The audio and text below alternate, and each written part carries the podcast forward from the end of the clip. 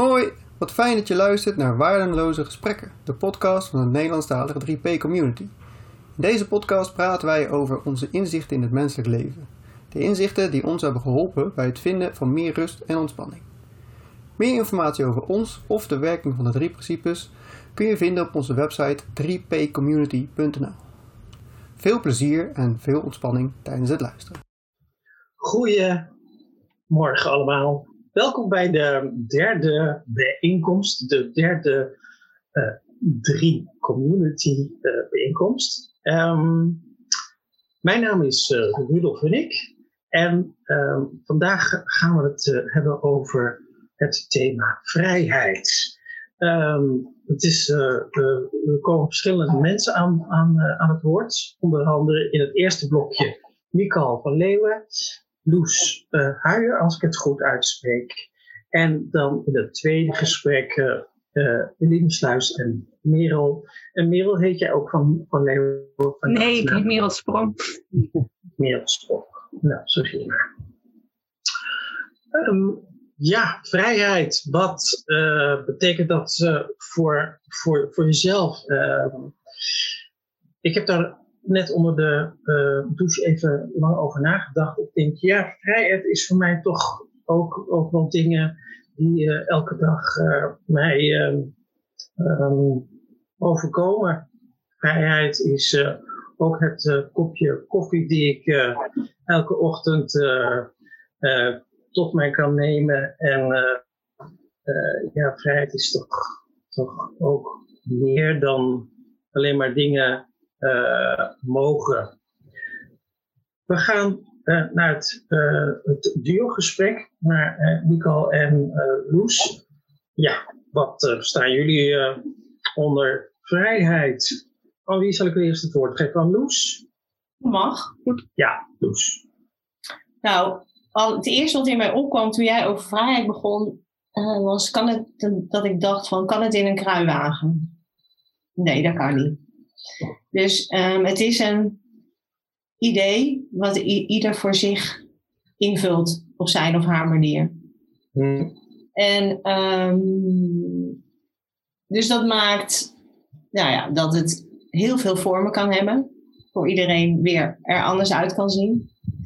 En um, gisteravond had ik een uh, webinar met uh, Dick en Bettinger. En daar zat ik vanmorgen nog eens even over na te mijmeren. Um, want hij deed een oefening, een hele kleine oefening met ons, maar zo enorm impactvol, zeg maar.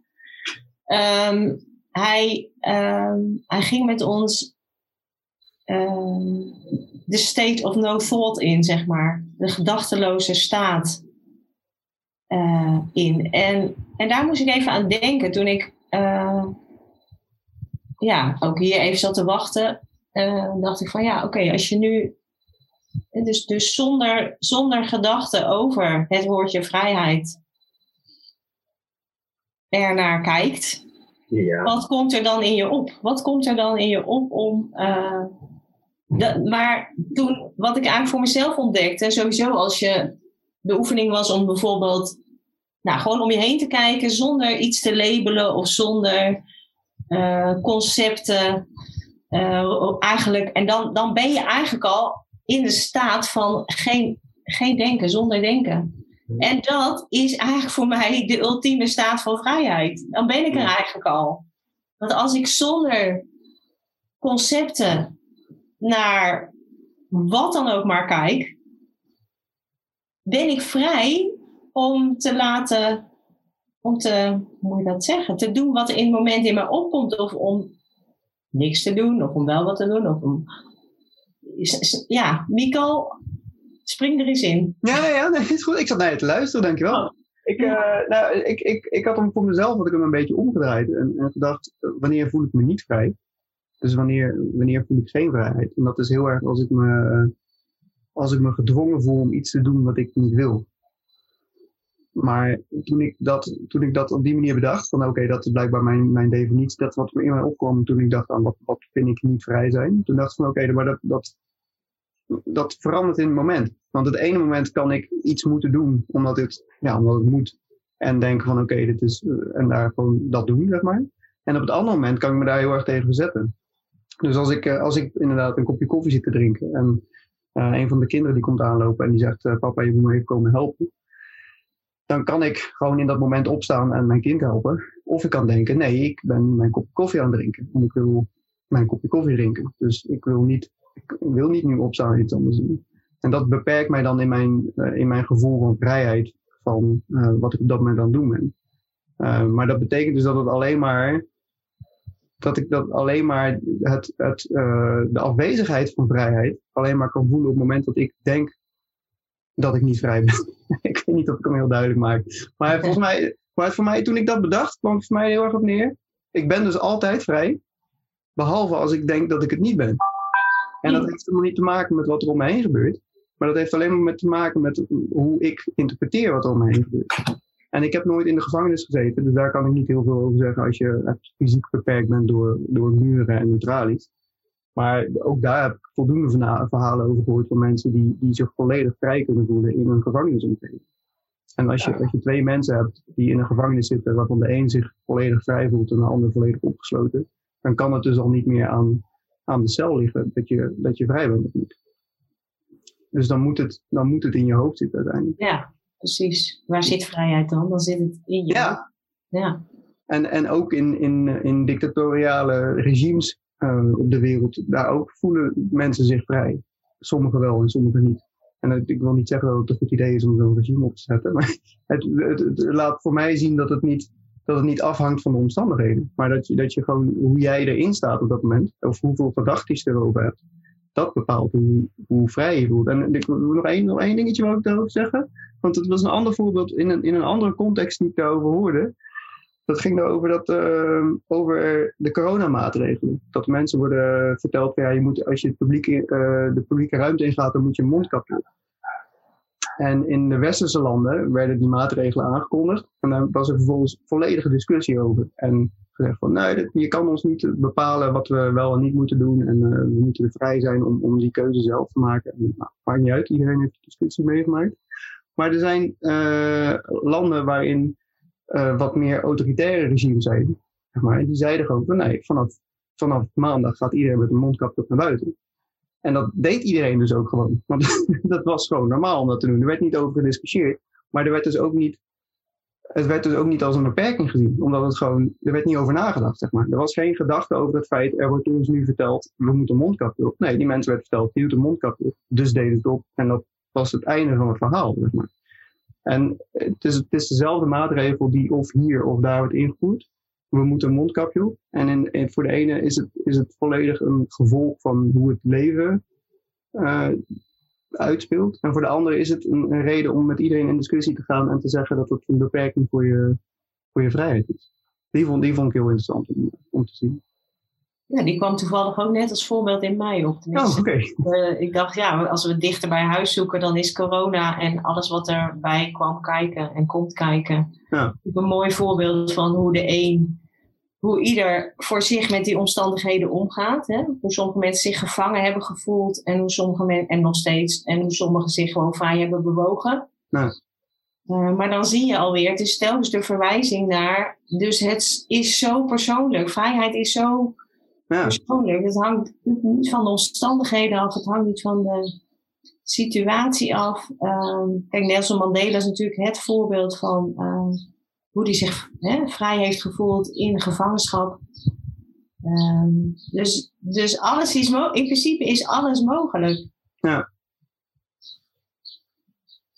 Ja, en ik vind, het, ik vind het voor mezelf heel geruststellend om te bedenken dat ik dus in principe vrij ben. Uh, totdat ja. ik bedenk dat het niet zo is. En dat is een beetje hetzelfde als, als uh, het zeggen van je bent, uh, je bent altijd thuis of zo, totdat je je ervan wegdenkt. Ik denk dat dat eigenlijk dezelfde, dezelfde stelling is. Dus je bent altijd liefde en je bent altijd vrijheid en je bent altijd oké, okay, totdat je denkt dat dat niet zo is. En dan, dan ga je daarvan weg. En zelfs daar ben je vrij in, hè? Ja, ook, zeker kan alleen wat minder fijn voelen af en toe. Want je kan je heel erg gevangen voelen. En dat, ik, dat, bedoel, dat ken ik ook als, als gedachte en als gevoel. Het geen fijn gevoel. Dus het is zeker niet van ja, het is, het is maar een gedachte en uh, stel je niet zo aan. Want daar, daar kom je ook nergens mee natuurlijk. Het is, Maar ik ga even inbreken. Hoe, uh, hoe gaan jullie om met mensen die uh, het vrijheidsgedachte niet hebben? Hoe bedoel je? Nou, je komt vast wel in je familie of in je vriendenkring, misschien wel je partner, kan natuurlijk ook nog, die totaal anders denkt over uh, de regels wat betreft corona. uit eigen ervaring heb ik gezien dat familieleden daar veel makkelijker mee om kunnen gaan. er niet bij nadenken van dat je afstand moet houden en dat je niet ingeënt bent en dat, dat je ook besmet kan raken. Maar hoe gaan jullie dan om hè, uh, met, met iemand die niet uh, die vrijheid heeft uh, om zo te denken? En dat kan dus zijn iemand die zich niet aan die regels houdt, of iemand die juist wel aan de regels houdt. Nou, Rudolf, dat, um, ja, daar heb ik wel een paar voorbeelden van in mijn omgeving, inderdaad. Noem één voorbeeld. Uh, een, vriend, een, uh, een, vriendin van mij, die heeft echt heel veel angsten op het gebied van, uh, nou ja, rondom corona, zullen we maar even zeggen. Ja. En, um, maar, ja, ik laat, kijk, vrijheid is, dat mag, dat mag er ook zijn. Dus ik hoef daar geen, ik ga daar geen, ik ga haar niet overtuigen van dat ze wel vrij is. Um, als ze mij vraagt, wil je boodschappen voor me doen, dan nou, komt er in me op soms een ja, soms een nee. Uh, daar ben ik dan weer vrij in. Daar voel ik me ook vrij in. En, en, en dat weet zij. Uh, dus, dus eigenlijk laten we elkaar daar gewoon vrij in. En, en daarmee is het dat totaal geen issue meer. Nee, nee. Dus het botst nergens tegenaan, omdat, omdat ik, ja, en zij inmiddels ook weet waar, waar het uit bestaat. Ja. En ik denk, ik denk ook dat het pas gaat botsen op het moment dat je het ter discussie gaat stellen. En tegen zo iemand gaat zeggen van ja, je, je, moet, je, je moet iets, zeg maar. Of je moet je veiliger voelen, of je moet hiermee ophouden, of weet ik wat. Dan, dan gaat het volgens mij botsen. En dan kom je, dan kom je in een discussie. Terwijl als je... En dan ontneem je die ander eigenlijk de vrijheid die zij of hij of hem ook, uh, zij of hij ook heeft. Ja. Terwijl als je, als je gewoon kan je hoeft daar geen mening over te hebben. Dat, dat is een beetje wat ik, wat ik, wat ik wil zeggen. Als, als je met iemand bent die, die heel erg uh, panisch is over, over corona en over de situatie, dan, dan is dat wat diegene op dat moment meemaakt. Maar daar hoef je, daar hoef je eigenlijk geen mening over te hebben. En je kan wel meevoelen met zo iemand, omdat die, dat die, die zit gewoon in de knel op dat moment. Dat is heel vervelend. Maar je hoeft, niet, je hoeft dat niet op te lossen voor die ander. Want hoe zie jij dat, Nico? Waar bestaat een mening dan uit? Als, als ik iemand. Uh, volgens mij, als ik iemand ga proberen te overtuigen, dan zit er al een mening van mij aan Dus mhm. als ik zeg van oké, jij, uh, maar er, er is geen probleem, dat is al een mening. Ja. Ook al is het waar. Want er is, ik bedoel, als je heel, heel, heel basic naar de drie principes kijkt, dan, dan is er geen probleem totdat je het maakt. Dus dat klopt. Maar die ander zit op dat moment in een probleem. En dat is, dat is gewoon de werkelijkheid van, van die persoon op dat moment. Dus daar kan ik. Um, maar ik kan dan vervolgens denken dat het mijn uh, taak is om die ander uit het probleem te krijgen. Of om die ander te helpen. Iemand helpen is het in die zin, wat mij betreft, ook een mening. Want ik, ik, uh, ik kan. Oeh, ik weet even niet hoe ik deze moet zeggen. Eigenlijk kan ik niemand helpen die niet geholpen wil worden. Nou, zeker niet onbevraagd, nee. Nee, precies. Dus als iemand, als iemand heel bang is voor corona en ik ga, ik ga daar naartoe en zeggen van ja, oké, ik ga jou nou helpen om jouw angst voor corona te overwinnen. Dus ik ga, jou, ik ga jou mee naar buiten nemen en laten zien dat het allemaal wel veilig is en dat het allemaal kan. En als we afstand houden, dan komt het allemaal goed. Dan, dan ben ik, eh, wat mij betreft, echt mijn mening aan het opleggen aan die andere persoon. Want ik zie iets anders dan, dan die ander. En dat ga ik dan, dan ga ik zeggen dat mijn manier van zien beter is dan uh, wat die ander ziet op dat moment. Um, ja, dat heeft niet zoveel zin voor mij. Nee, maar, maar goed, uh, op een gegeven moment heb je iemand voor je die, die zich totaal niet aan de regels houdt. Ja. Uh, en die, die vindt dat het allemaal maar onzin is, die regels. En, ja. en er moet gewoon geknuffeld worden, want er wordt al, wordt al te weinig geknuffeld. Ja. En ehm, is allemaal de schuld van uh, Bill Gates. Nou, kortom, ehm, wat doe je dan? Ja, de, de, dus, Heb je dan een mening? En, uh, om de, ik bedoel, dan moet je wel een mening hebben, want dan of boek niet. Kijk, ik zeg al boek. Hè. ja, maar kijk, Maar- kijk, voor mij is het... Snap je? Dus Ja, ja. een lijfbehoud dat je niet ziek wordt. Of Nee, precies. jij niet iemand anders ziek wordt omdat diegene zo heel graag met jou wil knuffelen, omdat hij denkt, nou, het is allemaal, het is maar een griepje. Ik, ik, kan, ik kan op dat moment nog steeds, als iemand mij heel graag mij wil knuffelen, kan ik nog steeds wel aangeven dat ik dat niet wil.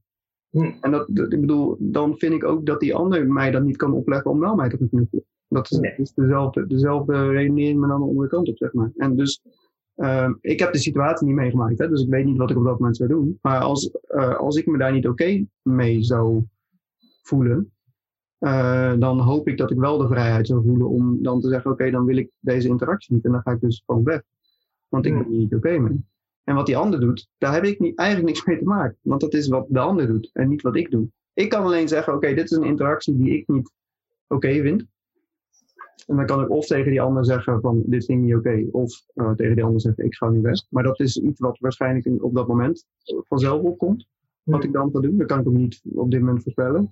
Maar ik kan niet tegen die ander gaan zeggen van, dit moet je niet doen, want dit is niet oké. want we hebben met z'n allen afgesproken dat we bepaalde regels naleven. Dat kan ik wel zeggen, maar dat gaat niet helpen. Dat gaat niet werken. gaat niet helpen, dan krijg je een discussie en, Ja. een, en een mening. Ja. ja. ja. Ja. Ja, en, en om maar eens even eh, terug te grijpen eh, naar waar ik eigenlijk zelf mee begon, van waar bestaat vrijheid eigenlijk uit? Kun je het in een kruiwagen doen? Nee, mening kun je ook niet in een kruiwagen doen. Dus het is sowieso een bedacht idee, concept, hartstikke persoonlijk. Ehm, geen feit in ieder geval, niet voor iedereen, de, de waarheid. En dat maakt voor mij, dat inzicht, maakt voor mij dat ik ook veel makkelijker laveer, zou ik bijna willen zeggen, tussen de meningen van anderen, want het maakt helemaal niks uit. Het maakt helemaal niet uit. Voor mij niet in ieder geval. Dat een ander een andere mening heeft. Dat mag. Dat is vrijheid. Ja. En ik mag er iets van vinden, maar het hoeft niet. Ook dat is vrijheid. Alleen des te, des te dieper inzicht je krijgt in de werking van die drie principes, des te minder je de behoefte voelt om er, om er iets, om iets van iets te vinden of zo. Of om, om, om de, de weerstand valt weg of zo. Nou, dat is een hele comfortabele situatie waar je dan in, in verkeert. Hè? Ik, eh, ik herken het gewoon, omdat ik al, al, eh, al een tijdje meeloop in de 3P. Maar ehm, eh, ik merk wel eens van dat mensen dan meer gaan zeggen, wat vind jij daar nou van? Ja, en normaal gesproken had ik vroeger veel meer een mening over alles. En nu is het, wat vind jij er nou van? Ja, dat vind ik soms ook wel eens lastig. Moet ik uit gaan leggen dat ik er eigenlijk niet, niet zo veel van vind. Nou ja, laatst, eh, laatst vroeg iemand, eh, nou ja, om maar even heel concreet te zijn, aan mij iets over eh, waar we echt de ene ja en de andere en ik een nee had. En toen zei hij, maar waarom is het bij jou dan een nee? Toen zei ik, dat weet ik niet. Maar het is zo helder een nee. Ja. En oprecht weet ik niet, want ik hoef daar niet een heel verhaal mee te verzinnen, maar ik voel gewoon nee. Hmm. En dan, en dan krijg je ook, dan is er geen discussie mogelijk eigenlijk, want er is geen Nee, de, de discussie houdt meteen op. Ik had, ja, ik had, ik had een, een eh, die is al best wel een tijd geleden, maar eh Merel die vroeg een keer, eh, gaan we naar de dierentuin vandaag? En het eerste wat ik zei was nee. En toen ging ze helemaal met mij proberen van, oh, maar waarom gaan we dan niet? En waarom heb je er geen zin in? En ik zei, nee, nee, zin. of nee. En dat was best wel een kort gesprek ook uiteindelijk. Terwijl als ik was meegegaan en, en argumenten was gaan bedenken van nee, want ik ben moe of ik heb geen zin of ik hou niet van dierentuinen en ik vind dieren in kooien zielig, bla bla. Dan kan je daar een heel, een heel verhaal, daar, kan, daar gaat een eindeloos gesprek aan, aan, aan uit voortkomen. Maar het was zo duidelijk voor mij dat ik op dat moment gewoon geen behoefte had om naar de dierentuin te gaan. Dat het, het was gewoon nee en daarmee was het ook echt gewoon af. Ehm, en volgens mij kan je eigenlijk elk, elke discussie zo ingaan. Als het voor jou een nee is, dan is het gewoon nee. En dan, dan, het is heel, we zijn heel gewend om dan argumenten te moeten gaan bedenken waarom het een ja of nee is. om uit te leggen. Ja, Ja, maar als je, als je er goed naar gaat kijken, zijn al die argumenten, die komen eigenlijk bijna allemaal achteraf. En nooit op het moment dat je het antwoord bedenkt. Dus je zegt eerst, er komt eerst een reactie op, van ja of nee. En vervolgens ga je bedenken waarom je ja of nee hebt gezegd. Dat is echt een soort van, eh, daar hebben ze ook allemaal onderzoeken naar gedaan, maar dat is een soort van goed praten van je intellect, waarom, waarom jou, waar jouw keuze vandaan komt. Terwijl het eigenlijk niks met elkaar, te maken, met elkaar te maken heeft, want je kan net zo makkelijk de omgekeerde argumenten gebruiken voor, voor de andere kant. Dus in, in die zin is er geen verschil tussen ja en nee. Heeft dat te maken dat je rekening, heel erg rekening houdt met een ander? Dat, dat, dat denken over Dat kan. argumenten waar- waarom je iets wel of juist niet wil? Ik, ik denk dat het vooral te maken heeft met ehm, dat je ehm, bang bent dat je niet, zelf niet oké bent. Ja. Dat die ander jou dan niet oké vindt. Dus het is eigenlijk hartstikke egoïstisch. Ja, en volgens mij, eh, volgens mij is- kan, kan het in elke situatie een andere oorzaak hebben. Volgens mij kan het er ook mee te maken hebben dat je voor jezelf een soort van samenhangend verhaal wil hebben over wie jij bent. Dus als jij, als jij een ja zegt, dan moet je wel, dan moet die ja zeg maar binnen het hele plaatje passen van wie jij bent. Dus dan moet je de argumenten hebben die bij jouw ja passen, zodat jouw zelfbeeld niet hoeft aan te passen aan wat je hebt gezegd. zeg Maar weet je, En dus, dat is volgens mij. gaat die loop ook weer terug naar uiteindelijk naar omdat je denkt ergens dat je anders niet oké bent. Ja, ja, precies. Ja, ja zeker. Ja. Die, die loopt altijd. Die, dat is eigenlijk voor mij de, de, over, de grootste overtuiging die onder al het, alles wat wringt en schuurt zit. Of boven of tussen of onder. Wat je, hoe je maar wil eh, projecteren. Maakt mij niet uit. Ja. Maar dat heb ik in ieder geval voor mezelf wel steeds helderder. Als je, en, en, en vrijheid. Als je het als, je, als, je, als, als ik voor mezelf moet zeggen, wat mij steeds vrijer maakt, is het weten dat ik altijd oké ben. Ja. Of ik nou ja of nee zeg, dat maakt niet uit. Ik ben oké. En dat mag de volgende dag. Ik hoef er ook niet consequent in te zijn. Ja. Dat is ook vrijheid. Dus ik hoef mezelf ook niet vast te gieten in een of andere vorm of concept van, eh, ja, maar Loes die doet altijd, of die heeft al een mening over, of die weet ik wat, verzin wat. Dit hoeft niet. Ja, ik ben blij om ieder moment weer fris en helder te komen opdagen. Ja, vind ik een mooie, mooie opmerking. En je moet ook denken aan eh, de opmerking van Sydney Banks. Die zei van ja, het, eh, het beste wat je kan doen is, je, is van gedachten veranderen. Zeg maar. Dat is een van de, de sterkste, sterkste dingen die je kan doen. Juist van gedachten veranderen. En, en ook al is het tien seconden later. Dus je zegt nee en tien seconden later is ja. Dat, ja, waarom niet? Dat mag zo. En volgens mij is dat inderdaad de vrijheid die je hebt. Om van gedachten te veranderen. Nou, misschien is het niet zo handig in de politiek of zo. Ook, maar dat, ook dat vraagt me een beetje af. Zeg maar, we- oké, dit, wordt misschien een beetje een intellectueel verhaal. Maar, eh, de- zeg maar de hele politiek is een, is, een, is een spel in die zin, weet je. En we, we hebben bedacht dat, dat een politicus consistent of consequent moet zijn. Maar ook dat is maar een, een construct. En als, we, als er straks ineens een politicus komt die elke minuut iets anders zegt. Ik weet niet wat er gaat gebeuren, want we tot nu toe hebben we niet gehad. Maar het zou best kunnen dat het ook gewoon geaccepteerd wordt. Dan wordt hij voor mij geloofwaardiger in. Nou, wat mij betreft ook, ja. Dan vind ik het menselijker dan, dan, eh, dan een hoop van de figuren die er nu zitten. Die alleen maar vast blijven houden aan hun dingen. Ehm, ja, en dat wij, dat wij vinden dat politici eh, altijd eh, bij hun dingen moeten zijn. En, en daarbij moeten blijven. Ja, volgens mij is dat ook maar een verhaaltje dat we met z'n allen hebben. Het zijn mensen, net als jij en ik, dus Ja, dat kan eigenlijk niet waar zijn. nee, het kan helemaal niet namelijk. Nee. Ik eh, vroeg me eigenlijk af of eh, misschien Jet of Michael of Valide jullie eh, een, een mening hebben.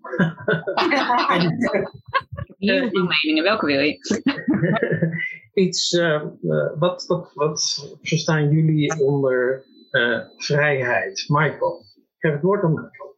Ja, dankjewel, eh Rudolf. Nou, eh, tijdens het gesprek al merk ik van, oh ja, hoe lastig het is eigenlijk om ook met woorden überhaupt al eh, te proberen om een concept als vrijheid vorm te geven. Want ook woorden zijn ja, onderdeel van, van die vormwereld, zeg maar. Ehm, en dan begint het al met definitie. Is het dan vrijheid of is het geluk? Uh, maakt niet zoveel uit. Uh, dus dat vond ik wel heel interessant in het gesprek al, uh, merkte ik. En um, nou, um, juist op het moment dat je je wat los kunt maken van, ja, van die vorm, dan heb ik het idee dat ik daar dichterbij kom. dus bijvoorbeeld, hè, waar we het eerder over hadden, jij zei daar volgens mij iets over. Um, maar als, als kijken bijvoorbeeld zien wordt en als luisteren bijvoorbeeld horen wordt. Hè? Dus, dus dat je loskomt van ja, die, die gedachtenstroom die constant ook uh, meewerkt. Um, ik heb het idee dat ik dan al wat dichter bij vrijheid kom. Maar goed, weet je, in mijn definitie is vrijheid dan juist het loskomen daarvan en uh, misschien even een, een, een mindmomentje hebben, om het zo maar te zeggen. En, en dat staat dus los van vorm, van situatie en noem maar op. Dus dus uh, ik daag mezelf uit om hem zo uh, abstract, zeg maar, uh, of vormloos te maken. Dat is, ja. daar, daar ligt de uitdaging voor mij als, ja. ik, als ik bezig ben met de, met de inzichten in 3P. Ja. ja. En, en kun je een voorbeeld noemen wanneer, je, wanneer je dat hebt? Een soort concreet voorbeeld. Ehm, ja, dat, dat komt en gaat. Um, maar uh, ik zat van de week in de auto uh, op weg naar, naar werk.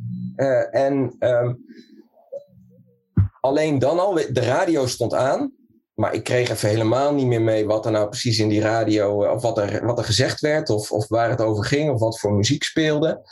Um, en mijn ervaring is dan gewoon wat anders. En, en waar, waar dus kijken zien werd en waar uh, luisteren horen werd, om het zo maar te zeggen.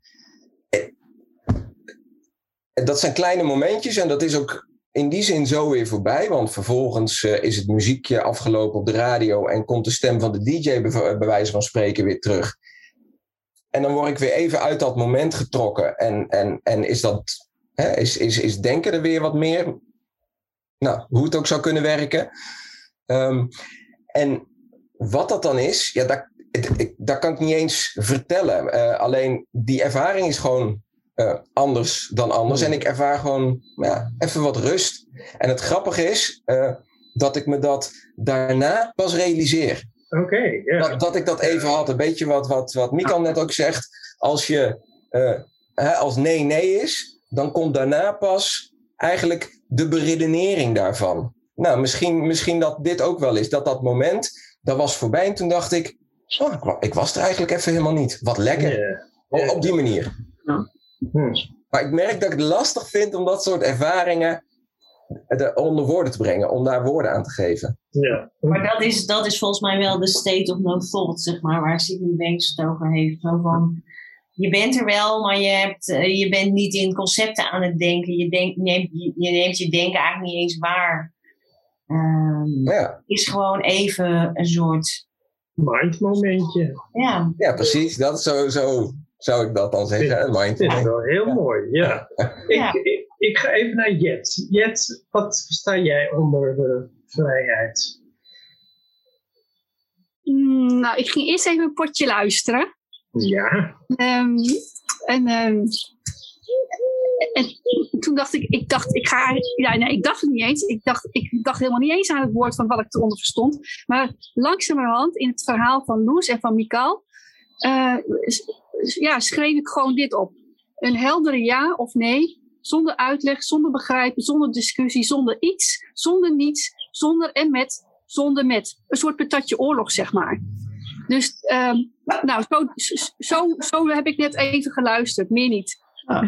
En dat is voor mij inderdaad vrijheid. Mooi, ja. Ja. Dat je oorlog. Dat je oorlog, ja. Ja, ja. of zeg maar zonder en met. En, ja. uh, Alles. Het is zonder, maar het is ook met. En, ja. uh, en eigenlijk de start, het vertrekpunt is voor mij een helder ja of nee. En dat heb jij, mij- en dat heb jij constant. Hè? En dat heb jij constant. Nou, soms helemaal niet. En dan zit ik enorm in een enorme nou ja, modderpoel van halve ja's en halve nee's? Wel nee. Maar als ik hem wel heb, dan hoef ik er verder niet zoveel na te denken. Hmm. Dan is het gewoon een ja of is het gewoon een nee. Ja. Heb ik zin in of heb ik geen zin in? Vind ik leuk of vind ik niet leuk? Vind ik stom of vind ik niet stom? En, eh, en eh, hoe, wat voor effect heeft dat eh, met je omgeving als je het stom vindt? Nou, het geeft in ieder geval veel helderheid. voor jezelf of voor die ander? Nee, voor, voor alles toch? Hoe anders? Nou ja, ik kan me voorstellen als je er iets niet wil en je zegt nou nee hoor, dat doe ik niet want ik vind het stom. Ik kan me voorstellen dat je partner of je familieleden of wie dan ook eh, zal zeggen van nou, mama heeft een 3P eh, momentje of, eh, of iets dergelijks. Ja. 3P-momentje. Oh, je zit even 3P'en. Ja, ja, nee, dat denk ik al. Nee. Ja, nee. Want dat is inderdaad inclusief alles. Met de ja en met de nee. Ja. Dus ook, ook wat er tegenover me zit en ook wat, waar, waar ik tegenover zit. Hoe, hoe anders, Rudolf? Hmm. ja, hoe anders. Ja. Ja. En het punt is ook dat, het- wat ik net ook al zei, het maakt ook eigenlijk helemaal niet uit hoe dat op de ander overkomt. Want daar heb je toch niks over te zeggen.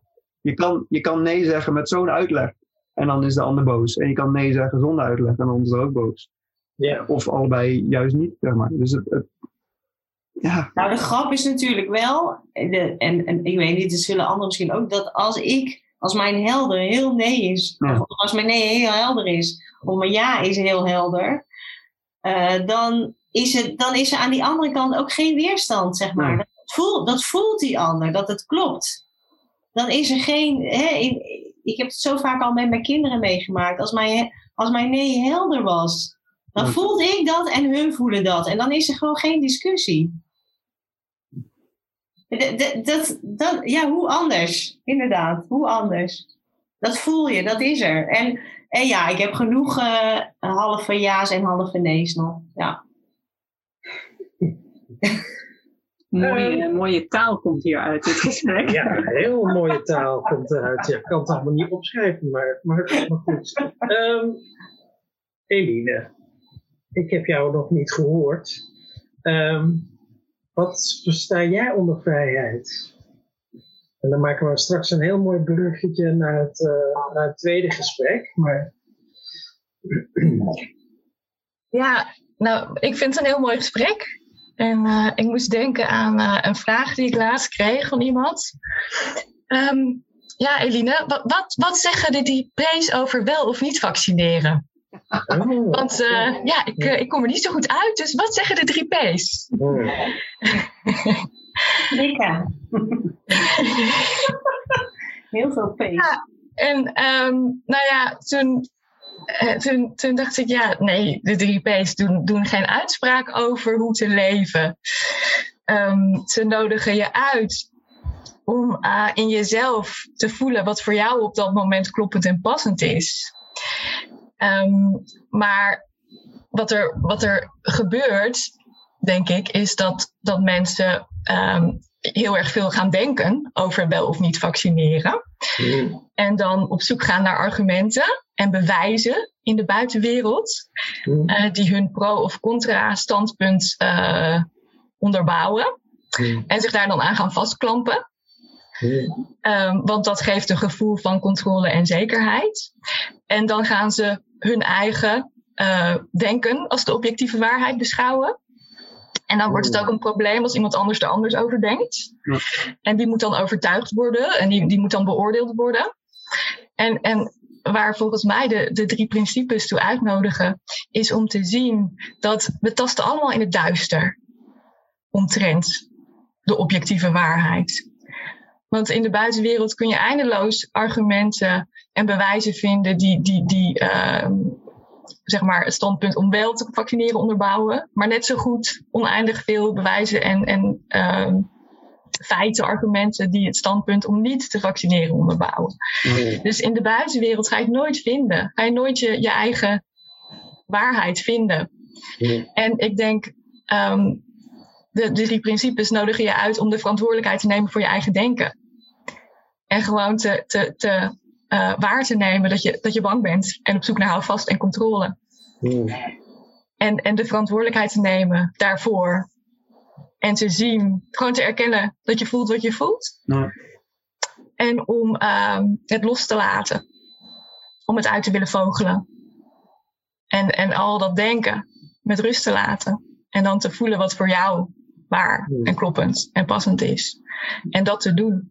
Hmm. Precies wat, wat, wat, wat jullie ook al zeiden in het gesprek hiervoor. Die duidelijke ja of duidelijke nee. Weet je, die komt nooit uit de buitenwereld. Je zal nooit je eigen ja of nee uit de buitenwereld kunnen halen. Nee, maar ik denk voor heel veel mensen die uh, een andere gedachtegoed hebben, dan is het soms wel heel prettig als, uh, als ze te horen krijgen van, van iemand anders. Van, nou, jij moet je gewoon inenten, want je hebt een slechte gezondheid. En je moet het gewoon doen, je moet niet ziek worden. Hè? Maar het kan wel net zo goed ook zijn iemand anders die zegt, oh, ga ik het doen. Je gaat laat je inenten. Dus allemaal, je weet god niet wat er over vijf jaar allemaal misschien Ja. tien jaar al. Ik bedoel, het is soms heel makkelijk dat iemand anders Ja. jou een idee geeft over vrijheid. Want daar komt het, want hè, eh, eh, dat is het in principe ook. Ja, maar dat hè, iemand wil gerustgesteld worden Ja. en bevestigd worden. Oh, neem Ja. ik de juiste eh, beslissing? Hè? En dan, dan kom je weer bij wat Loes zei. Ben ik oké? Weet je wel? En dan gaat iemand buiten zichzelf op zoek naar bevestiging dat hij oké is. Ja. Voor, mij gaat het ook heel erg over dat, dat je dan ervan uitgaat dat iemand anders wijsheid beter dan die van jouzelf. Zeg maar. Dus jij, als jij denkt dat iemand anders, dat de mening van iemand anders beter is dan die van jou, dan betekent dat dat je ervan uitgaat dat, die ander, dat de wijsheid van die ander beter is dan die van jou. Ja, precies. Maar ook wat Sydney Banks zei, nou, iedereen is even, even wijs. Er is niemand die wijzer is dan een ander. Dus je hoeft het nooit buiten, buiten jezelf te zoeken, want je weet het zelf ook wel. Je, wil alleen, je gaat er alleen vanuit van, ja, oh, maar ik kan, hoe kan ik het nou, ik ben maar ik, dus hoe kan ik het nou weten? Dus als, als iemand anders mij nou maar vertelt hoe het zit, dan weet ik in elk geval, dan is iemand die slimmer is dan ik die, die weet. Ja, Als jij, als jij jouw wijsheid vertrouwt in van oké, ik voel gewoon zo duidelijk dat ik dit wel of niet moet doen, dan mag je daar best wel op vertrouwen en denken van oké, dan ga ik dat doen. ja, en ik- ik denk ook juist hè, als iemand op zoek gaat naar vertel me wat ik moet doen. En, en jouw advies gaat in tegen, wat, tegen de ja of de nee van die ander. Weet je, dan wordt het alleen maar ingewikkelder en moeilijker. En dan gaat die persoon nog meer zitten zoeken en, en, en op zoek naar controle en eruit willen komen en discussiëren. En weet je, dan, dan gaat het juist extra wringen misschien wel, hè? Dus volgens mij is dat het punt waar je, waarop je je vrijheid kwijtraakt. Ja, precies. Ja, dan, dan heb je het gevoel dat je niet vrij bent. Je gelooft in onvrijheid dan. Ehm, Ja, en de grap of de paradox is natuurlijk dat, nou, natuurlijk, voor mij is het natuurlijk, ehm, soms hoor ik een ander, hè, even over vaccineren bijvoorbeeld, een totaal andere mening hebben. En dan iets in mij herkent dat. Iets in mij weet, Ja. oh ja, dat had ik, dat, zo heb ik ook ooit gedacht. Of zo kan ik het, zo kun je het, Ja. ook super logisch. Ja. En soms, zelfs als het onlogisch klinkt, had ik het ook kunnen bedenken. Dus die ander is niet zo anders als ik. Alleen voor mij is de nee of de ja al heel helder. Ja. En voor die ander ook. En dat mag. Het Ja. mag er gewoon allemaal zijn. ja, Dus het herkennen van het herkennen in die ander van, oh ja, natuurlijk, weet je, er is natuurlijk eigenlijk helemaal geen ander als we het helemaal uitzoomen. Maar oké, het lijkt wel heel erg echt in die vorm dat er anderen zijn, maar als je nou weet dat we allemaal uit hetzelfde bestaan, dan, ja, voor mij verdwijnt de totale behoefte om een discussie. Nou ja, en ook als je weet dat het in ons allemaal in de vorm op dezelfde manier werkt. Ja. Dat wij nou eenmaal dat conceptuele denken hebben, waar Michael het ook zo mooi over had, dat de hele dag commentaar aan het leveren is. En de hele dag probeert te duiden en vast te pakken. En verbanden en oorzaak-gevolg en oordelen. Weet je wel, dat, dat, dat heeft iedereen. En dat gaat buiten onze wil om zijn gang. Ja. Ehm, dus natuurlijk ga je geloven wat je ziet en ga je daar aan vastklampen. Dat, dat is heel menselijk. En dat is een poging om je eigen ongemak te hanteren. Om je angst niet te voelen. Om daarvan weg te gaan. Weet je, en dat is zo, zo menselijk, want dat, dat is de menselijke ervaring. Wij hebben een brein, wij hebben een persoonlijk gedachtesysteem.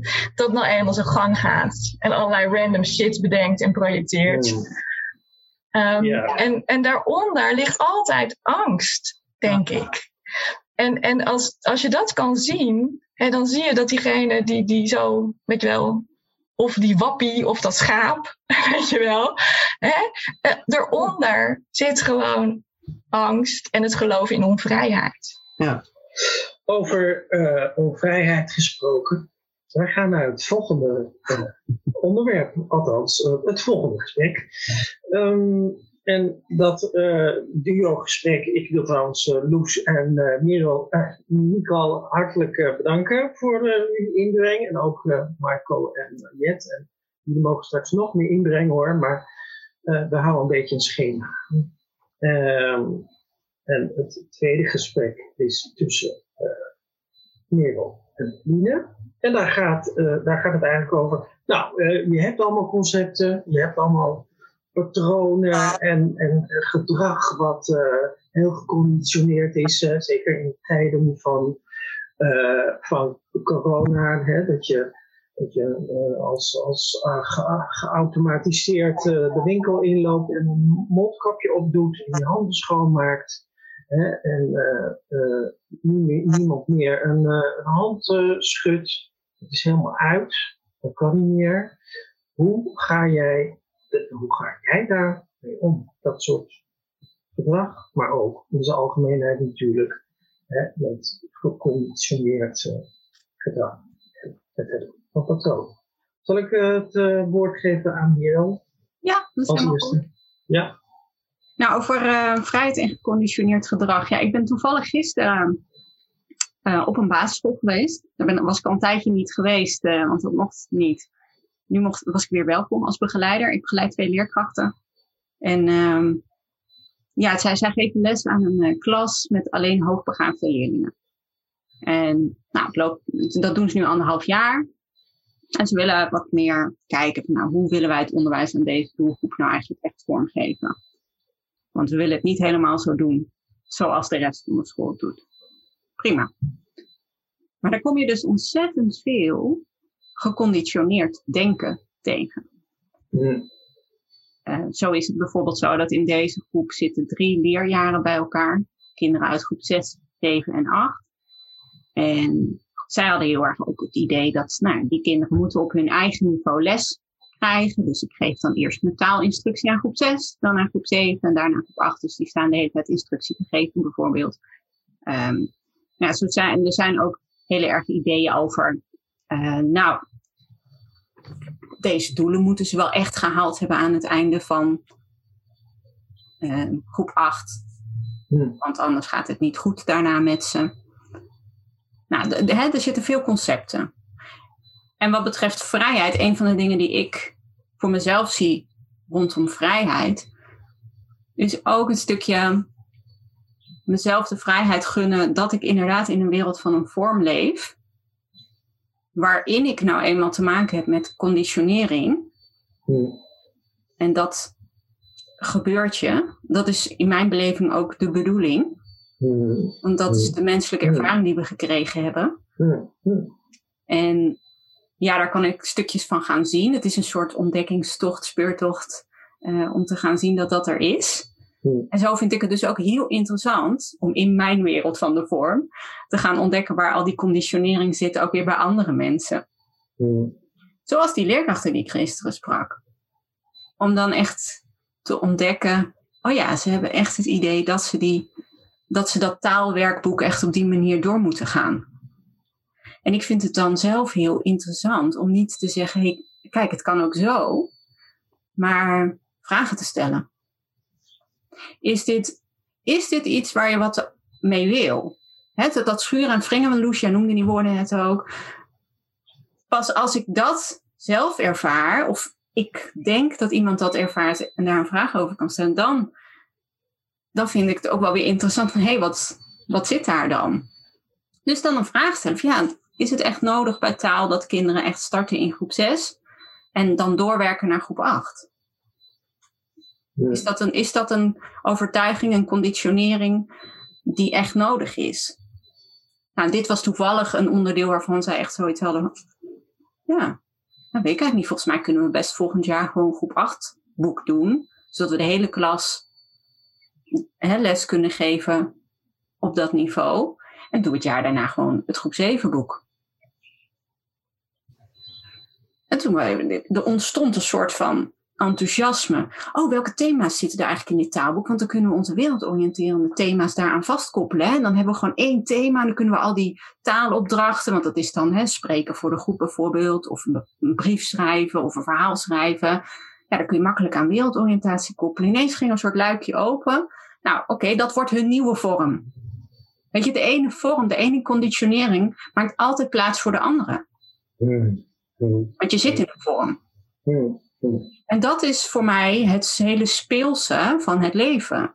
Dat je, ja, ik kan wel proberen eh, die moment dat ik inderdaad niet denk, of ja, helemaal opga in wat er gebeurt of wat ik zie. En ik vond het ook heel mooi inderdaad van niet luisteren, maar horen.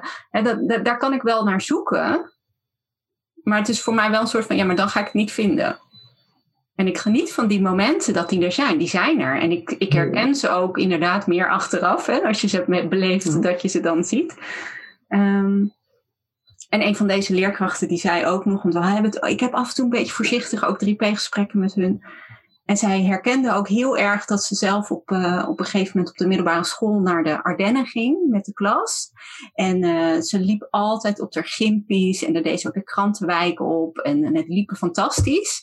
Maar ze had ergens aangenomen dat als andere mensen, zelf vooral leerkrachten of docenten dan, hadden gezegd van, nou, ja, wandelschoenen zijn toch wel echt nodig als je naar de Ardennen meegaat. Dus ze dacht, nou, als die docenten dat zeggen, ja, dan is dat toch wel, moet ik toch wel wandelschoenen regelen. Hij voelde hem natuurlijk al aankomen. Dat was niet helemaal um, een succes. Want ze had ze ook nog geleend van iemand anders. En uh, nou, die heeft best wel last gehad van de voeten. En toen zei ze, oh, maar dat is dus het moment dat je eigenlijk naar jezelf kan luisteren, naar je eigen wijsheid. Hmm. Vrijheid hebt gewoon om die ja of die nee inderdaad mee te nemen. Ik vond dat zo'n mooi voorbeeld. Maar ik vind dus die conditionering, ja, ik, ik, ik vind het heel bevrijdend eigenlijk om Ehm, te denken, ja, maar dat is ook gewoon wat het is. En ik kan daar wel weer mening over voel, hebben. Want ik kan, ik kan echt denken dat ik dat niet wil. En dat is eigenlijk weer het moment dat ik me er vast in denk.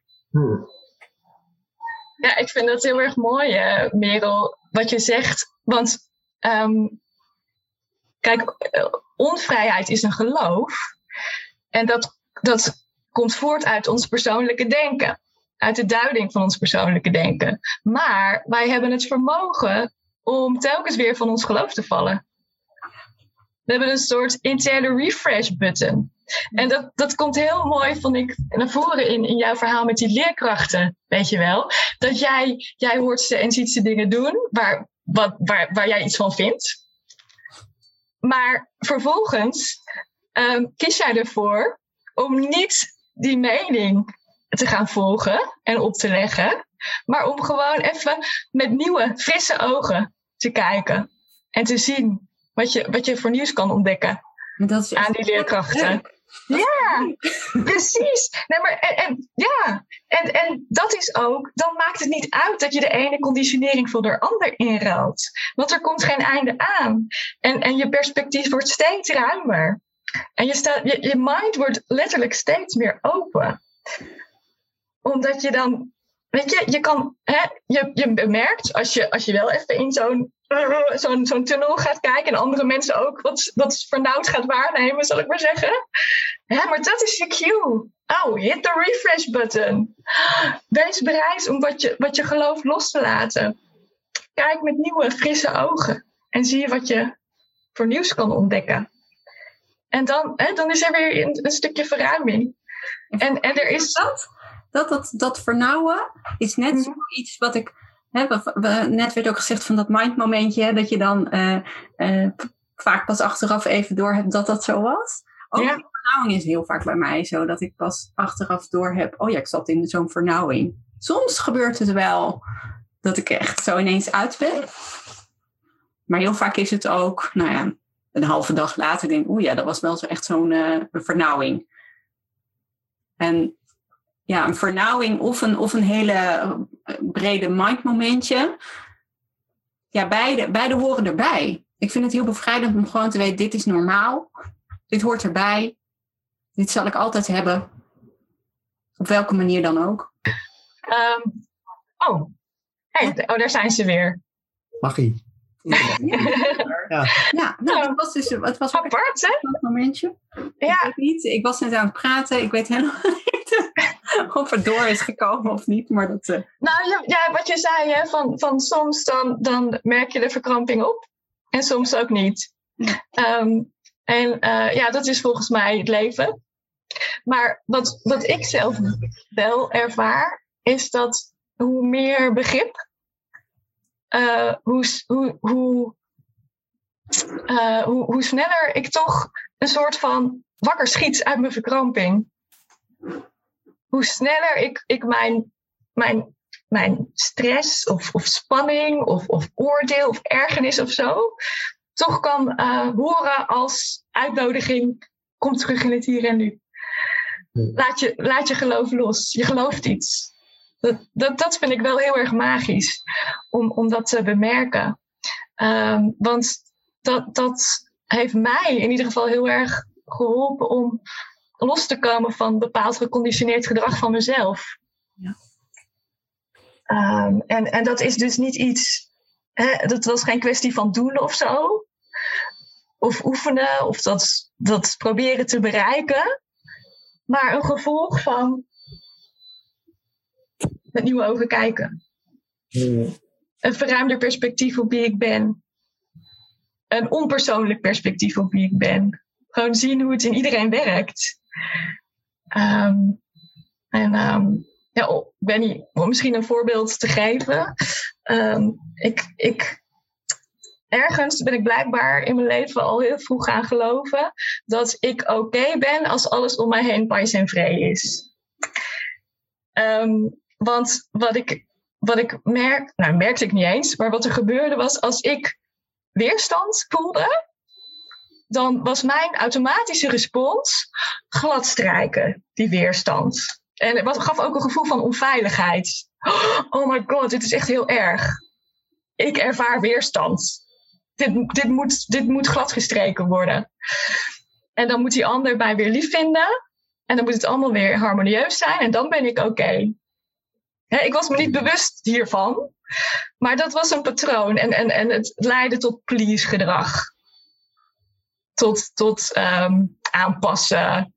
eh, ja knikken. eh, glimlachen. Nou ja, weet ik veel. Jullie kunnen er vast wel iets bij voorstellen. En dat, dat was gewoon zo'n patroon waar ik me eigenlijk niet echt van bewust was. Maar wat ik wel kon voelen.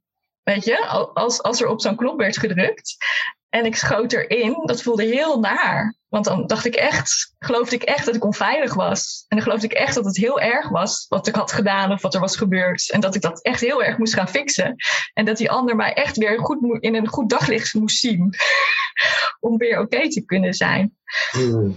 En ehm, daar ben ik de- puur door, door open te staan voor die drie principes, ben ik, ben ik echt van mijn geloof gevallen. Omdat ik echt ging, ging zien op een gegeven moment. Ik voelde weer dan die, die, die stress, dat vreselijke gevoel. Van oh my god, ik ben onveilig, wat heb ik gedaan? Maar ik zag, het, ik zag de menselijkheid ervan. En ik zag dat het iets is wat gewoon gebeurde. Omdat mijn brein nou eenmaal deze conclusie had getrokken en er een soort patroon van had gemaakt.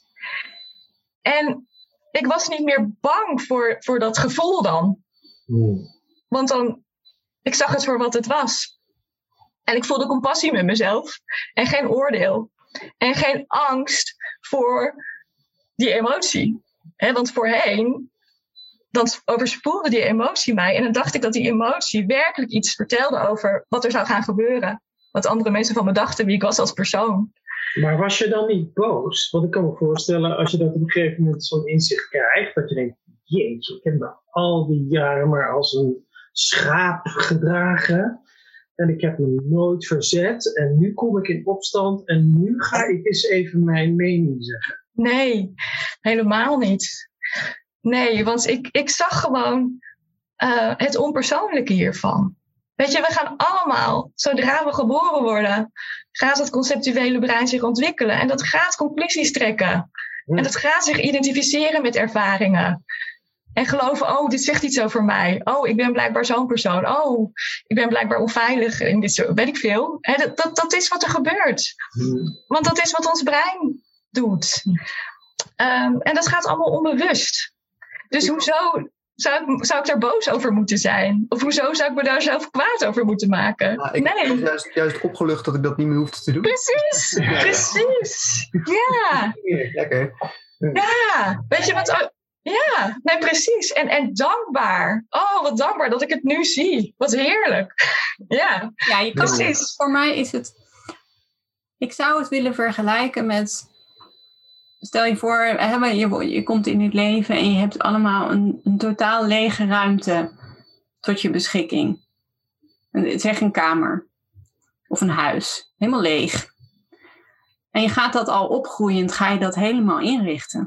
Je verzamelt dingen, Ja. je, je, je zet er meubels in. eh, nou ja, kijk naar wat er in je eigen huis staat. Nou ja, zo.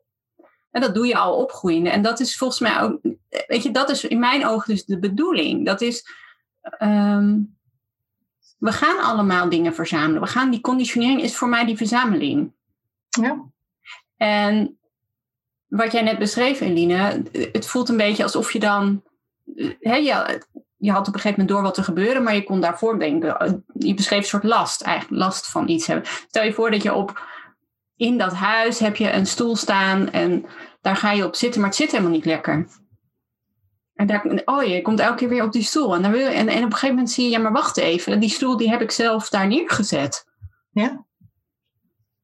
En, en misschien besluit je wel van, hij is weg en ik zet er een andere neer. Of misschien ga je wel, beland je er af en toe nog op. eh, en, en op een gegeven moment negeer je hem misschien en, en staat hij nog een beetje stoffig met spinnenwebben in een hoek. Weet je, en, en als ik me zo dat voorstel van echt fysieke ruimte met spullen en, en die conditionering, ja, dat is dan een schilderijtje wat ergens hangt. En op een gegeven moment wil je die niet, die kan je vervangen. Want je hebt het zelf ingericht. En zo zijn we allemaal, alle mensen, al het leven. eh, het is allemaal een perspectief op hoe het leven kan zijn. En iedereen heeft zijn eigen inrichting en is een eigen eh, interpretatie van het leven. En het is een eigen beleving van het feit dat je iets kan beleven. Ja. Ja.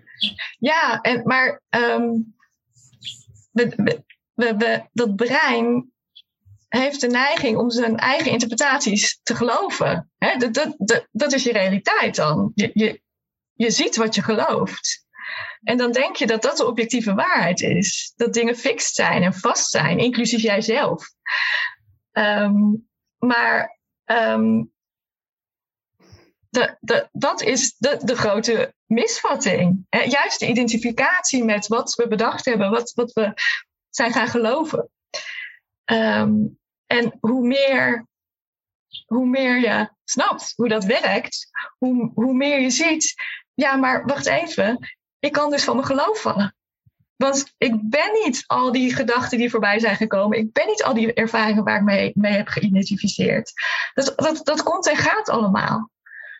Maar wat is zich bewust geweest van alles wat kwam en ging? Wat gaat niet? Ja, eh, we kunnen het proberen te benoemen, maar dat kan natuurlijk niet, want dat heeft geen vorm.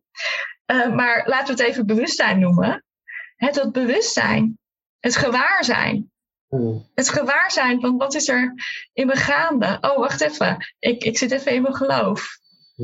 Als- Als je dat gewaar bent, ja, dan, dan val je van- meteen van je geloof. En dan heb je de vrijheid om, om met nieuwe ogen te kijken. Ja, ik,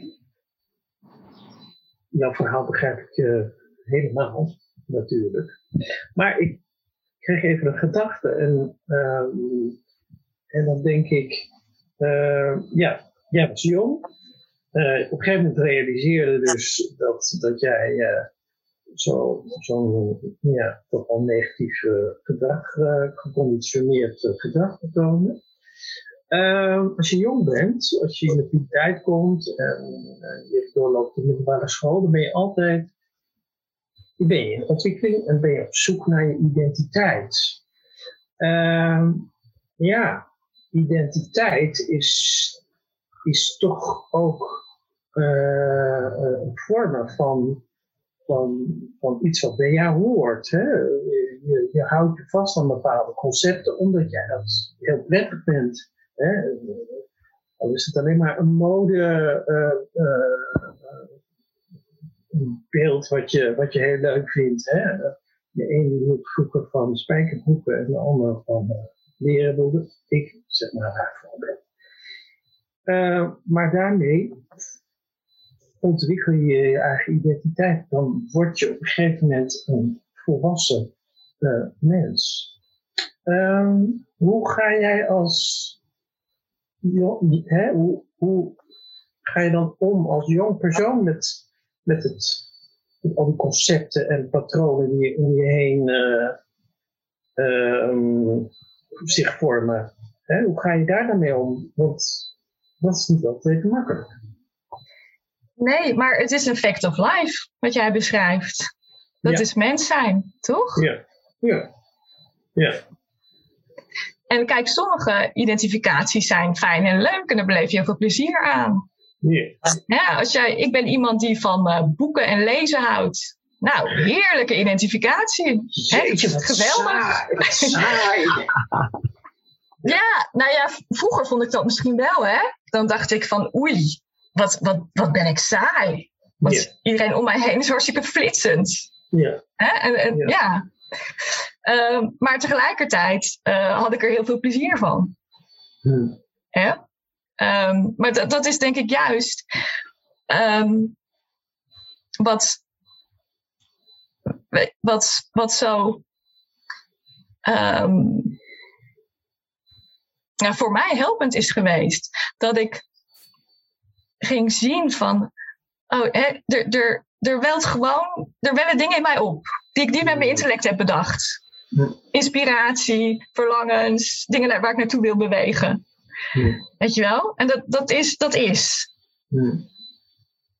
En ehm, nou, dat, in mijn geval was dat inderdaad eigenlijk gewoon lekker veel tijd in mijn eentje doorbrengen met mijmeren, bedenken, lezen enzovoort. Maar toen ik jong was, meende ik om me heen te zien dat iedereen vooral bezig was met erop uit en daadkracht en onder de mensen.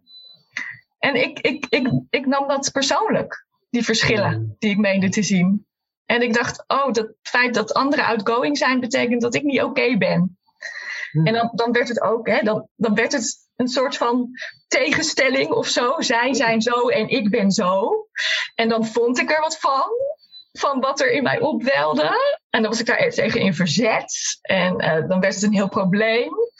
Want hoe kan ik dan eh, een, baan vinden als eh soft boekenworm, weet je wel. En eh, oh, er werd een heel gevecht. En, eh, eh, Ehm, en, en juist ehm, het, het zien dat, ja, weliswaar, eh, we identificeren ons met van alles en nog wat. Want we hebben dat persoonlijk gedachtesysteem, we hebben dat brein. Maar we zijn niet die identificatie.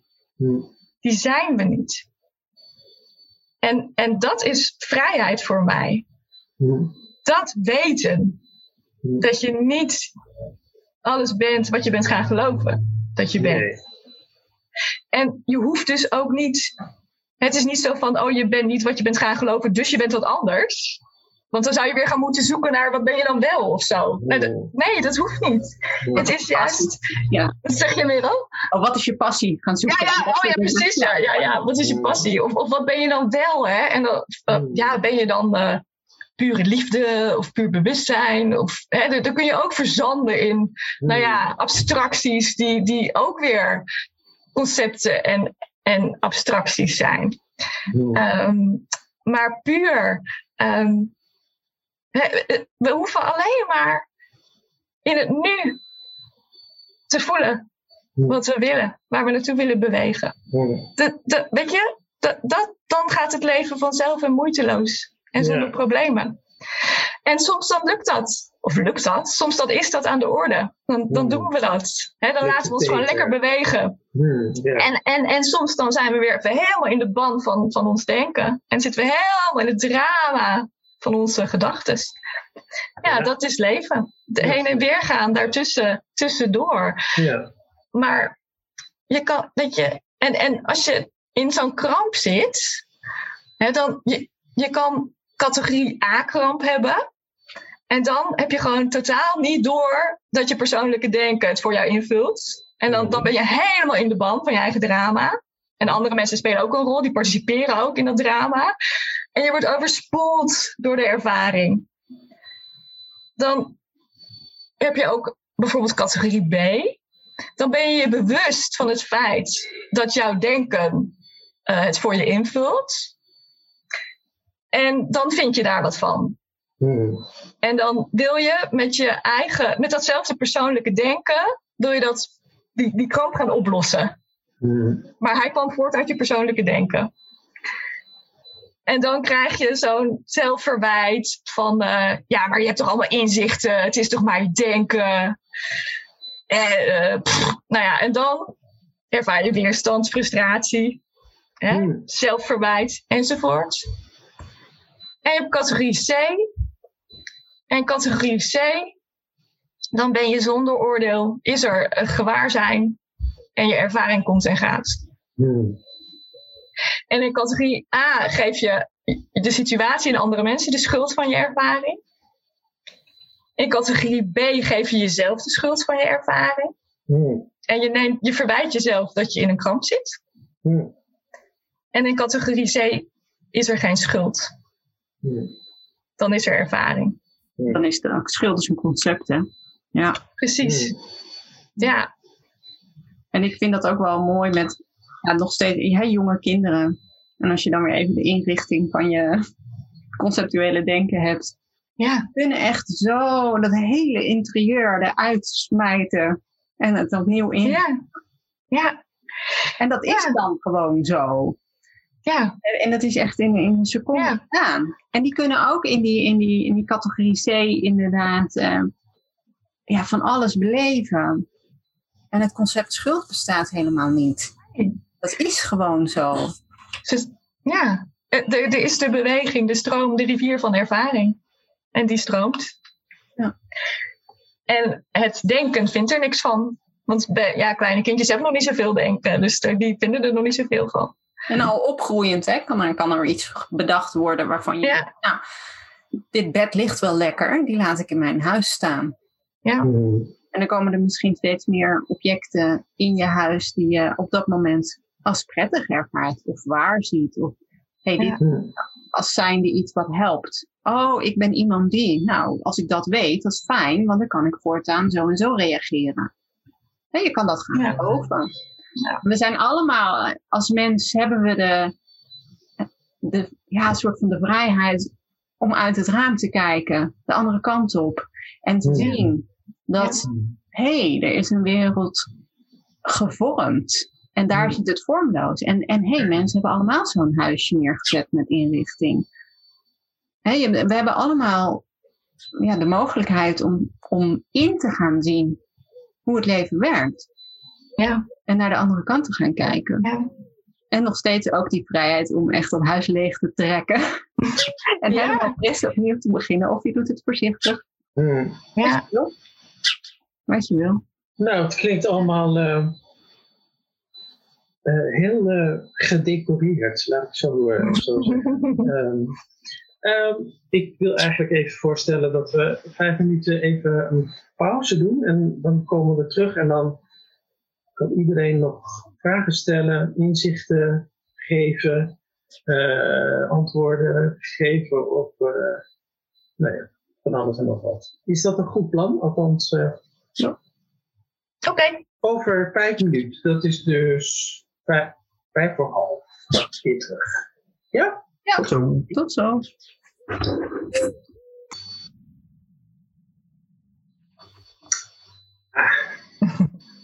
Kan eindelijk uh, je ook weer iets anders zeggen natuurlijk over concepten. Ja, dat vind ik maar. Ja, we hadden het over concepten. Dat je, dat, je dat loslaat. Uh, ik hoorde ook net dat je het kan inruimen voor weer andere concepten, voor prettige concepten. Uh, dan, maak je het leven behoorlijk vrij voor jezelf. Um, Loes, als jij het verhaal van uh, uh, Eline hoort, um, hoe denk jij dan over concepten, over jouw concept? Hmm. Nou, dat, als ik daarover na ga denken, zelfs ik dan weer een concept creëer. Om even heel flauw te zeggen. Ja, weet je, het is gewoon. We kunnen er eigenlijk niet, we kunnen niet zonder. En en ik zou heel graag zonder willen, zoiets. Hmm. het voelt zo fijn als je het los kan laten. En, en tegelijkertijd besef ik ook dat uh, het dan een heel onpraktisch leven wordt, zeg maar. Wat moet ik iedere keer weer gaan bedenken van, moest ik nou ook weer met een stoel? Nou, dan mag ik gewoon op gaan zitten. Dat is het concept. Ja, weet je, het, is, het zijn gewoon heel veel praktische dingen. Maar er zijn ook heel veel concepten die gewoon echt in de weg zitten van... Ah, moet dat nou zeggen? Van vrijheid eigenlijk. Ja. Ja. Van vrijheid om te leven en te zijn. Uh, want, weet je, ja, heel, heel geniepig. We hebben natuurlijk ook ontzettend veel concepten over onszelf bedacht. Uh, we, we, zijn een bij elkaar geraapt concept, zou ik bijna willen zeggen. En um, ja, dat zien en, en dat los kunnen laten, ja, ja, het is best wel eng. Dat geef ik ook toe. Het is soms best wel spannend. Je denkt, oh, het was best wel handig toen ik wist. Uh, toen ik dit allemaal nog niet wist, was het ook best wel heel veilig. Uh, maar ja, je kan niet meer, je kan niet, uh, dat, dat, je kan niet meer terug, zeg maar. Er is geen weg terug. Het klinkt heel dramatisch. Ja, ja klinkt lekker dramatisch. Maar ik wil ook niet meer terug hoor. Maar ja, nou ja, dat weten we. Ja, weet je, soms is het toch zo van dat je denkt, ja, het was ook best wel fijn om gewoon even in hokjes te denken. Soms is dat best gewoon fijn en dat mag ook. Um, ja, en tegelijkertijd ontstaat er zoveel ruimte als dat niet meer, als dat niet meer hoeft. En uh, ja. Ik heb het ook heel lang heel prettig gevonden om een beetje te poren in, in de vaststaande ideeën. Juist als, ja, misschien dat dat ja, moet het nou echt zo? Is dit echt waar? Kan het echt alleen maar op die manier? Hmm. En dan toch steeds te ontdekken, ja, inderdaad, dat kan ook anders. Dat vond ik ook altijd wel heel leuk eigenlijk. Hmm. Geldt dat ook voor Michael? Nou ja, waar ik heel erg aan moet denken is... Maar we dat, hebben nu echt een Michael. Andere Michael. Ja, jij wordt heel vaak Michael. Michael. Oh, jij wordt ook, bij, hè? Dus, jij wordt ook uh, Michael genoemd. Ja, mensen weten niet altijd hoe zijn naam uitgesproken moet worden. Nou, ik was heel duidelijk, geloof ik. Kunnen we terugluisteren. Michael.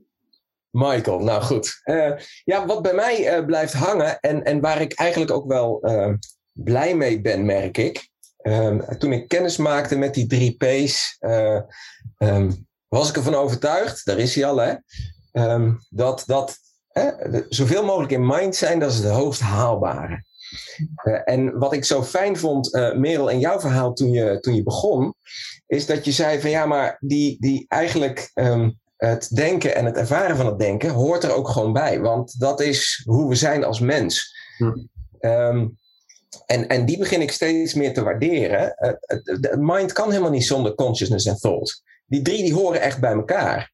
Um, en sinds dat ik dat weet, merk ik dat er juist veel meer rust komt. Uh, en dan denk ik ook, ik kan dus ook niet zonder die concepten. Want ik heb ook die concepten nodig om, uh, om te bewegen of te laveren richting die mindmomentjes, hè, waar we het uh, voor de pauze ook over hadden.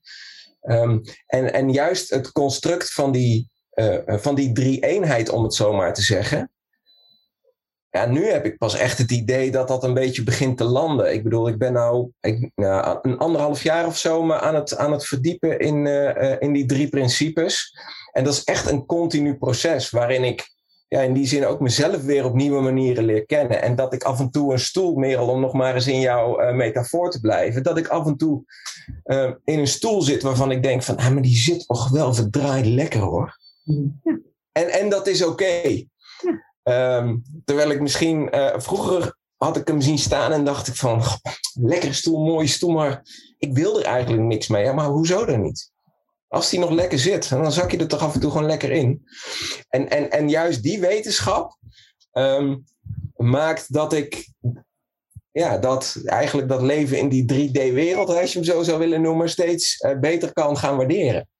Uh, dus, dus het helpt ook heel erg. Zonder dat er iets anders moet, of, of dat ik geforceerd naar links of naar rechts of naar boven of naar beneden het, het is allemaal goed. Juist vanuit die wetenschap dat, je, wetenschap dat je altijd even mag terugzakken in, in die universele energie, zeg maar. Als ja. dat lukt. Ja. De, meer op die manier. En, en dus, dus pok, pok, pok, zo af en toe dan, dan vallen er van die dingetjes dat ik denk, oh ja, het hoort er ook allemaal bij. En ik kan niet zonder die concepten. Ik kan niet zonder het ervaren van denken.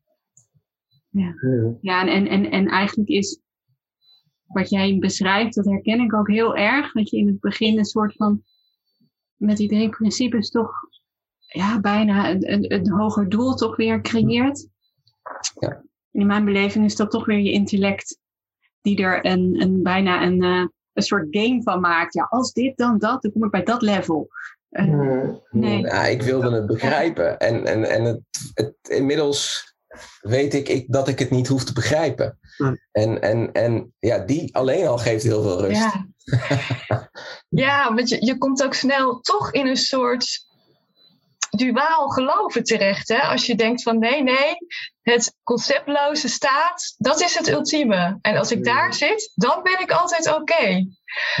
Maar de vorm en het vormloze zijn één alles is dezelfde energie, of die nou vorm heeft of vormloos is. Dus het is het al.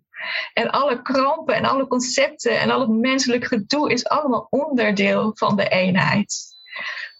En, en als je alleen maar zit te streven naar die state of mind, dat zen, dan, dan, dan ontken je de eenheid dus. Dan ontken je de menselijke ervaring. En dan ontken je de, de flow. Want het is altijd in beweging en aan verandering onderhevig. We kunnen niks vastpakken en er, en er hekjes omheen zetten. Dus ja, dat, ik herken dat heel erg wat jij zegt, Michael. Dat het gewoon dat juist heel bevrijdend is. Ja. Dat je dus, en, en dat is volgens mij ook het ultieme wat er te zien is. Dat het is een wens van jouw ego om altijd in die fijne state of mind te zitten. En dat, zo werkt het niet. Want het ego heeft niks te zeggen. Want jij, die, die, dit ego verwerkt de ervaring, maar veroorzaakt hem niet. Dat, dat doet het leven, dat doet mind. En, en dat steeds meer zien, dat, dat is bevrijdend, volgens mij. Ja, eens. Ja. En ik denk dat hè, die categorie B, Weet je, dat is toch weer dat ego dat denkt: nee, nee, ik kan mijn ervaring beïnvloeden en sturen. Via mijn inzichten in de 3D. en, maar dat, dat is de misvatting, want dat kan niet. Want jij kan niet bepalen welke gedachten erop komen. En je kan ook niet sturen welke random geautomatiseerde duiding er vanuit je persoonlijk denken komt. Dat gaat onbewust. We hebben ook geen invloed op welke inzichten landen en wanneer ze landen. En... Nee, hoe Precies. lang blijven. En... Nee, allemaal niet. Dus oh, give your intellect a break uh, en uh, hit the refresh button. Wees bereid om het niet te weten. Wees bereid om niet te weten wat wijsheid is. En dan fluistert wijsheid je in wat wijsheid is. Dat is wel grappig dat je dit noemt. Want ik had nog iets opgeschreven ook over vrijheid. Dat briefje kom ik net ook weer tegen. Vrijheid is eigenlijk als ik, het, als ik er echt woorden aan zou moeten geven, is het toch het, ver- het vermogen bijna om. ehm, ja, elke woorden die je daar geeft zijn het niet- net niet helemaal, hè, maar om, om helemaal te accepteren dat we het nu eenmaal niet weten. Ja. Ja. Zo bevrijdend. Ja, niet weten is heel belangrijk. Of is een heel, eh, is een, eh, hoe moet je dat zeggen? Eh, een heel belangrijk facet van vrijheid. Nou ja, hoe zouden we ooit met ons beperkte intellectje het mysterie van het leven kunnen bevatten? Hmm.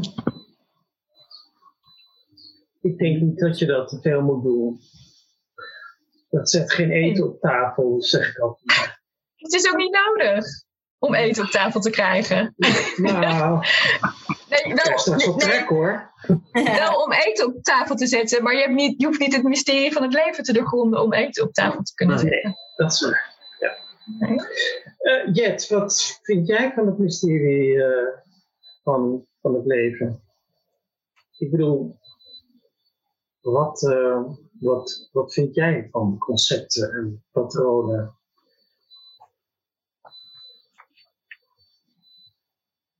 Ja. Nou, wat ik, wat, ik, wat ik heel veel graag wil zeggen is dat ik het erg leuk vind om te horen naar de verhalen en de ervaringen. Zoals vanochtend. En ik heb gewoon eigenlijk helemaal niks toe te voegen. Nee. Man, wat een, wat een, god, wat een veel tekst, man. Ik, ik, weet je, dus, ik, ik niet, maar, nee, ik heb niks toe te voegen. Sorry, Rudolf.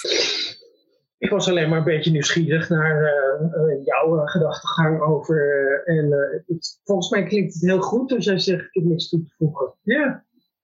Nee, ja, je kan wel benieuwd zijn. Maar op dit moment rolt er echt gewoon niks zinnigs eruit. En, en, en hebben we ook helemaal geen zin in. Nee. Nee, dat maakt ook niet. Heerlijk! Ja, heerlijk. Prima. Ja. ja. Omdat ik, omdat ik denk, ik hoor, ik probeer echt goed, ja, ik probeer te horen wat jullie allemaal zeggen. Nou, en dan, dan moet ik even laten zakken. Ja. ja. en voordat ik mijn eigen ding er tegenaan loop te kotsen en te knallen. Nee, dan denk ik, oh nee, nee. Komt dat patatje oorlog er weer uit. Dat is zo jammer. Oh man. Dan ga ik een beetje zo in de ronde, ga ik zo een beetje de lucht opvullen. Oh, Nee. zo geen zin in. Nee.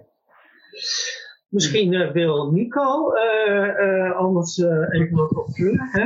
Nico? Ja, ik had, ik had nog één, één gedachte waar ik net, net ook mee zat. En dat we, niet mee zat, maar die bij me opkwam. En dat was dat we, dat we ook wel, als we het over concepten hebben, dat we ook wel een soort van gewend zijn om te denken dat er bepaalde concepten belangrijker zijn dan andere concepten. Dus als je het over één onderwerp hebt, bijvoorbeeld vaccinaties, dat de Mhm. ene, ene mening erover, het ene concept daarover, Mhm.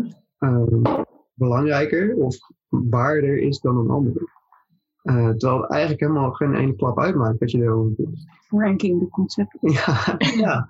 Nou, want je kan zeggen van nee, maar kijk, je moet je gewoon vaccineren. Want de wetenschap zegt dat dat belangrijk is, omdat dat de manier is om van, eh, van, eh, van het virus af te komen. Dat, daar, daar kan je van vinden dat het een belangrijker concept of een belangrijkere mening is. Of dat die meer waar is. Maar als ik gewoon zeg, ik ga me niet vaccineren omdat ik daar geen zin in heb. Dan is dat even waardevol, zeg maar. Er zit evenveel waarde aan, omdat het allebei een concept is. Dus het maakt geen zak uit wat je Ja. doet dat is, dat is een beetje mijn, eh, waar ik heen wou. Dus, eh, maar we zijn wel, zeg maar, als, als gemeenschap, als samenleving zijn we wel gewend dat er bepaalde dingen zijn die gewoon, waar meer waarde aan hangt of zo. Weet je, wetenschap wordt wel heel vaak heel hoog aangeschreven. Wat de wetenschap vindt, dat is toch wel echt gewoon waar. Mhm. Eh, of wat de politici vinden, eh, dat, is toch, dat klopt toch wel gewoon. Want die hebben nou eenmaal, weet ik wel, wat kan je ook weer van ons van vinden. Daar heb je op gestemd. Sorry? Daar heb je op Daar gestemd. heb je op gestemd. Ja, bijvoorbeeld. Maar er is, er er is eigenlijk, uiteindelijk is er geen reden om eh, waarom één een mening of één concept meer waar of belangrijker zou zijn dan een ander. Dus daarom vind ik het ook niet zo heel, heel, heel vaak niet zo heel zinvol om mijn mening, misschien een beetje hetzelfde als wat Jet net zei, niet zo heel belangrijk om mijn eigen mening er nog bij te zetten. Want ja, het is ook mijn mening, weet je. Ja. Ja, als, ik iets, als ik iets wil delen, dan deel ik het. Maar het, ik, je hoeft niet per se meer een ander te overtuigen als je niet ervan overtuigd bent dat, dat de ene belangrijker of, of, of meer waar is dan, dan de ander. Ik heb ook wel eens, dan schiet me nu ook te binnen met, met inderdaad dat je een vraag krijgt over wat je ergens van vindt. Ja. Over, en letterlijk gevraagd wordt om, om dat je een mening produceert. Ja. Oké, als jij dat vraagt, dan geef ik je mening. Ja. Dat vind ik dan ook niet zo moeilijk. maar dat er dan ehm, een reactie komt, ja, vind je dat? Ja. dan moet je niet vragen. Ja, als je mijn mening wil dan moet je vragen. Dat, dat is echt voor mij een soort van dooddoener van zo'n discussie. Dan denk ik, ja, ik, ben, ik zit hier niet te wachten op dan omgepraat te worden tot jouw mening of iets anders. En dat is voor mij heel lang een, een, een soort van antwoord geweest als, als zijnde dooddoener. Beetje puberachtig misschien. Maar, Maar het, het is denk ik namelijk wel waarom mensen dus eh, op zoek gaan naar, naar, naar betere meningen over vaccinatie. Omdat ze denken dat er, dat er, dat er meningen zijn Ja. die beter zijn. Zeg maar. Ja. Dus als jij gaat zoeken van oké, ik weet gewoon niet of ik moet vaccineren. nou, Dan ga ik wel alle websites die er bestaan ga ik afzoeken en ik ga iedereen ondervragen. Want dan, dan kan ik de beste mening over vaccinatie vinden. moet een oneindige. En daar kan je oneindig. Ja. want Iedereen heeft zijn eigen mening. En eh, de, Ja. elke mening is een variatie op, op, een, op een. Je hebt nooit exact dezelfde mening namelijk. Ook, al Nee. denk- ook al zeg je dezelfde woorden, dan bedoel je er niet hetzelfde mee. Dus, het is, je, je, kan, je komt er niet. En het enige wat je, wat je kan doen is dus inderdaad je eigen Gevoel. volgen. En je eigen mening volgen in die zin. Je, je hebt ook een mening. Ja, en die Ja. is ook veel waard uiteindelijk. Nou, ik vind het ook wel fijn om van dingen te bedenken. Hier ga ik dus geen mening over vormen. Ja. Daar hadden wij toch een gesprek over het vaccineren een keertje. Ik het wel anderen. Ja, ik vind het zo. Ik heb daar echt geen mening over. Als de brief komt, dan doe ik wat in die brief staat. Ja. En klaar. En volgens mij is het een beetje hetzelfde als, als wat, ik, wat ik als ander voorbeeld gaf over die mondkapjes. Dat ze bij, eh, in een bepaalde landen zeiden, nou vanaf maandag doe ik mondkapjes op. Ja. Die deden vanaf maandag de mondkapjes op. En dat, dat was het einde verhaal, zeg maar. En die hebben daar waren geen gedachten meer over. Ja, Ja, en dan, dan is het mooi, want dat, dat zoeken in de buitenwereld naar het antwoord. En dat, dat kan zoveel ruis en onrust creëren, dat je eigenlijk niet meer de ja of nee kan voelen. Nee. En die, die komt niet door, want er zit zo'n brei aan, aan denken overheen. En, en, en de impuls is om dan nog harder te gaan nadenken. Ja. Alsof daar helderheid vandaan kan komen. Maar juist je, je, je, de omloopsnelheid van je gedachten vertelt je. Laat het met rust. Ja. Wees bereid het even niet te weten. En het antwoord komt En dan kan het antwoord gehoord worden. Ja, ja.